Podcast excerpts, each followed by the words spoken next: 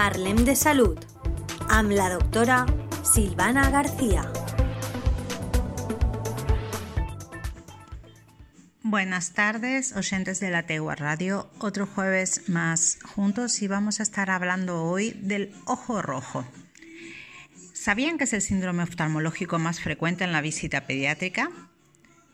Y a pesar de ser un proceso habitualmente banal, es necesaria una buena exploración por si hubiera signos de alarma, como pueden ser la disminución de la visión, el dolor ocular, una opacidad corneal o anormalidades pupilares. Recordar que actualmente, debido principalmente a fenómenos ambientales, existen un gran número de síntomas originados en la superficie ocular. Esto engloba el sistema lagrimal, la motilidad palpebral, la membrana conjuntival y el epitelio corneal.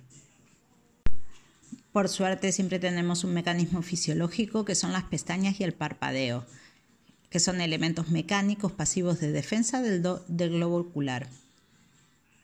Y la lágrima con su triple función, que es la limpieza, regulación de la temperatura y de la superficie corneal, también su acción antiséptica, nos sirve para defensa. También hay otras cosas que nos ayudan, como el epitelio mucoso conjuntival, la mucina, el tejido linfoideo de la conjuntiva y el proceso descamativo constante del epitelio corneal. Todos ellos actúan en conjunto como una barrera natural contra los agentes externos nocivos del globo ocular o del ojo.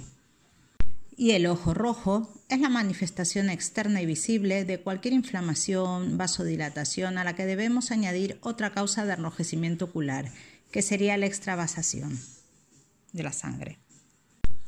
Siempre tendrán que contarle al médico si han tenido algún antecedente, por ejemplo, como un antecedente traumático, un golpe o, o radiación solar o cuerpo extraño, vapores, cloro, humo, porque eso podía orientar al médico a que pueda ser un ojo rojo tóxico o por una herida corneal.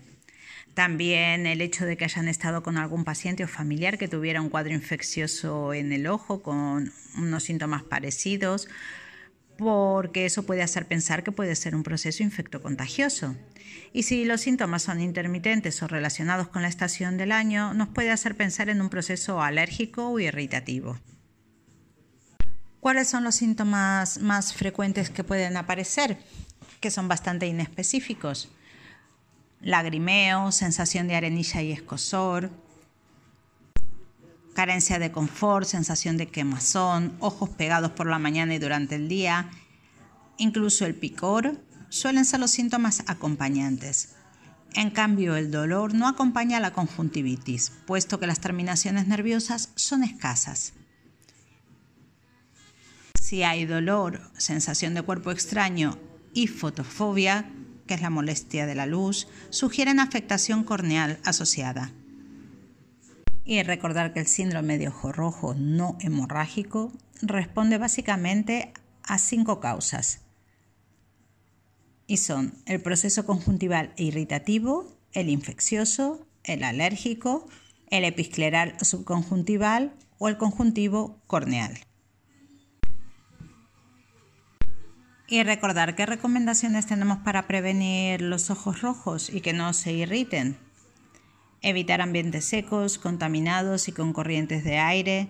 Recordar parpadear con frecuencia mientras se está leyendo o usando pantallas. Aplicar medidas de higiene evitando el contacto con personas que están sufriendo infecciones oculares y hacer un uso correcto de las lentes de contacto.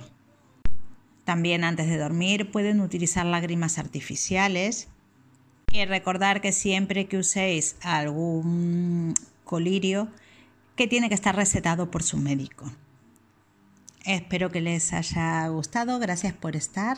Los invito a compartir. Un saludo, Silvana. Parlem de Salud amb la doctora Silvana García.